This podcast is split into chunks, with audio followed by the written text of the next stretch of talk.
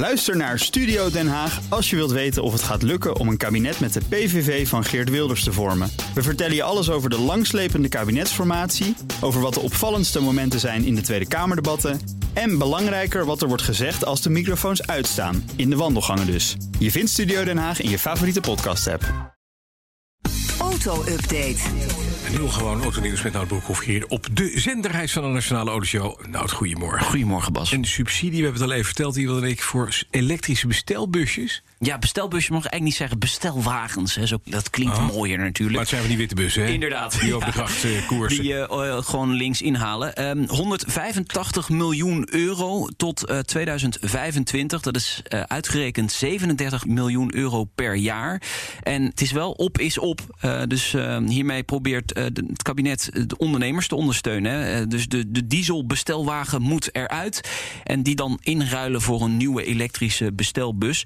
Nou, je kunt tot 10% in ieder geval van die bestelbus eh, vergoed krijgen via de subsidie. Tot maximaal 5000 euro per voertuig. Dat, dat, dat is toch Is dat lekker natuurlijk. Ja, dat is wel wat, hè, voor die ondernemer. En op die manier proberen ze natuurlijk die, die oudere, vervuilende eh, bestelbusjes eh, van de weg te krijgen. Ik moet wel zeggen, het kabinet en subsidie voor elektrische auto's, hè, tussen aanhalingstekens, Mhm. dat was niet echt een, een groot succes. Die was namelijk, ja, het was eigenlijk een te groot succes. Binnen no time was die pot leeg.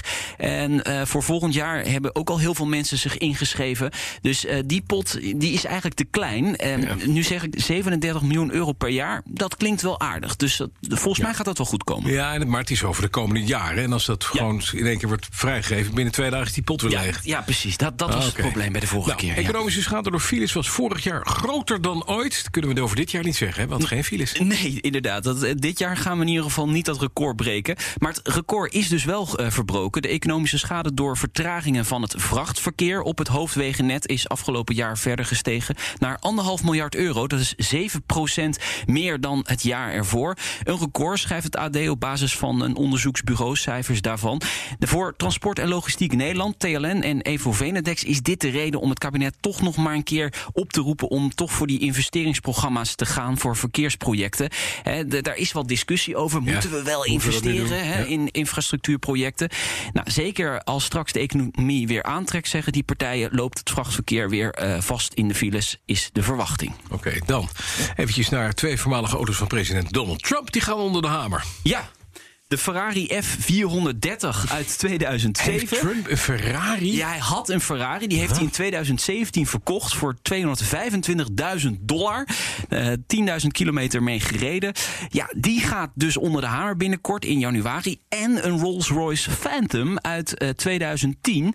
90.000 kilometer op de teller. Elektrische gordijntjes achter. Dat is wel handig natuurlijk. Als je even wil slapen of, of iets anders doen. dat kan natuurlijk ook. nog tussen waarschijnlijk, want hij is dan naar buiten zat te kijken. Ja, ja. precies.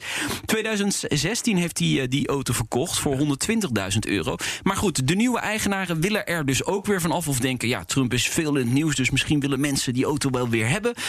Ik, ik zat wel even te denken, kan mm, Donald Trump die auto zelf terugkopen? Eigenlijk is het antwoord nee. Nee, want? een voormalig president wordt eh, lange tijd door de geheime dienst Bewaakt gevolgd. ja. Bewaakt, inderdaad.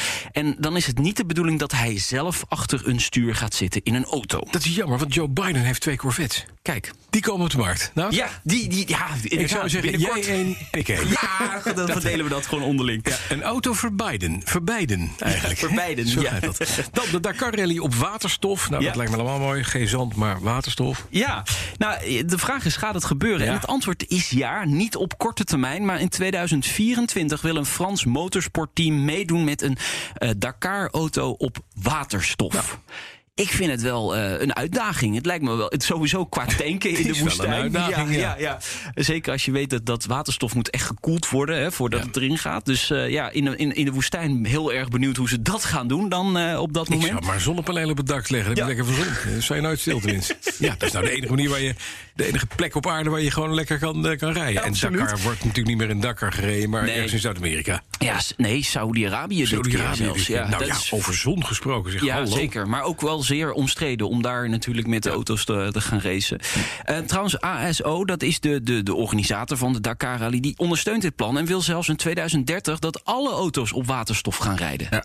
Dus het, het is wel op zich een goed, goed idee om dat eerst een keer uit te testen in 2024. Lijkt me wel handig, ja. Zes jaar voor En de misschien dat we daarna die uitspraak niet meer terug horen. Ik denk het ook Dat zou niet. zomaar kunnen. Het zou zomaar kunnen. Dankjewel. Nout Broekhoff van de Nationale Autoshow. De BNR Auto Update wordt mede mogelijk gemaakt door Lexus. Nu ook 100% elektrisch.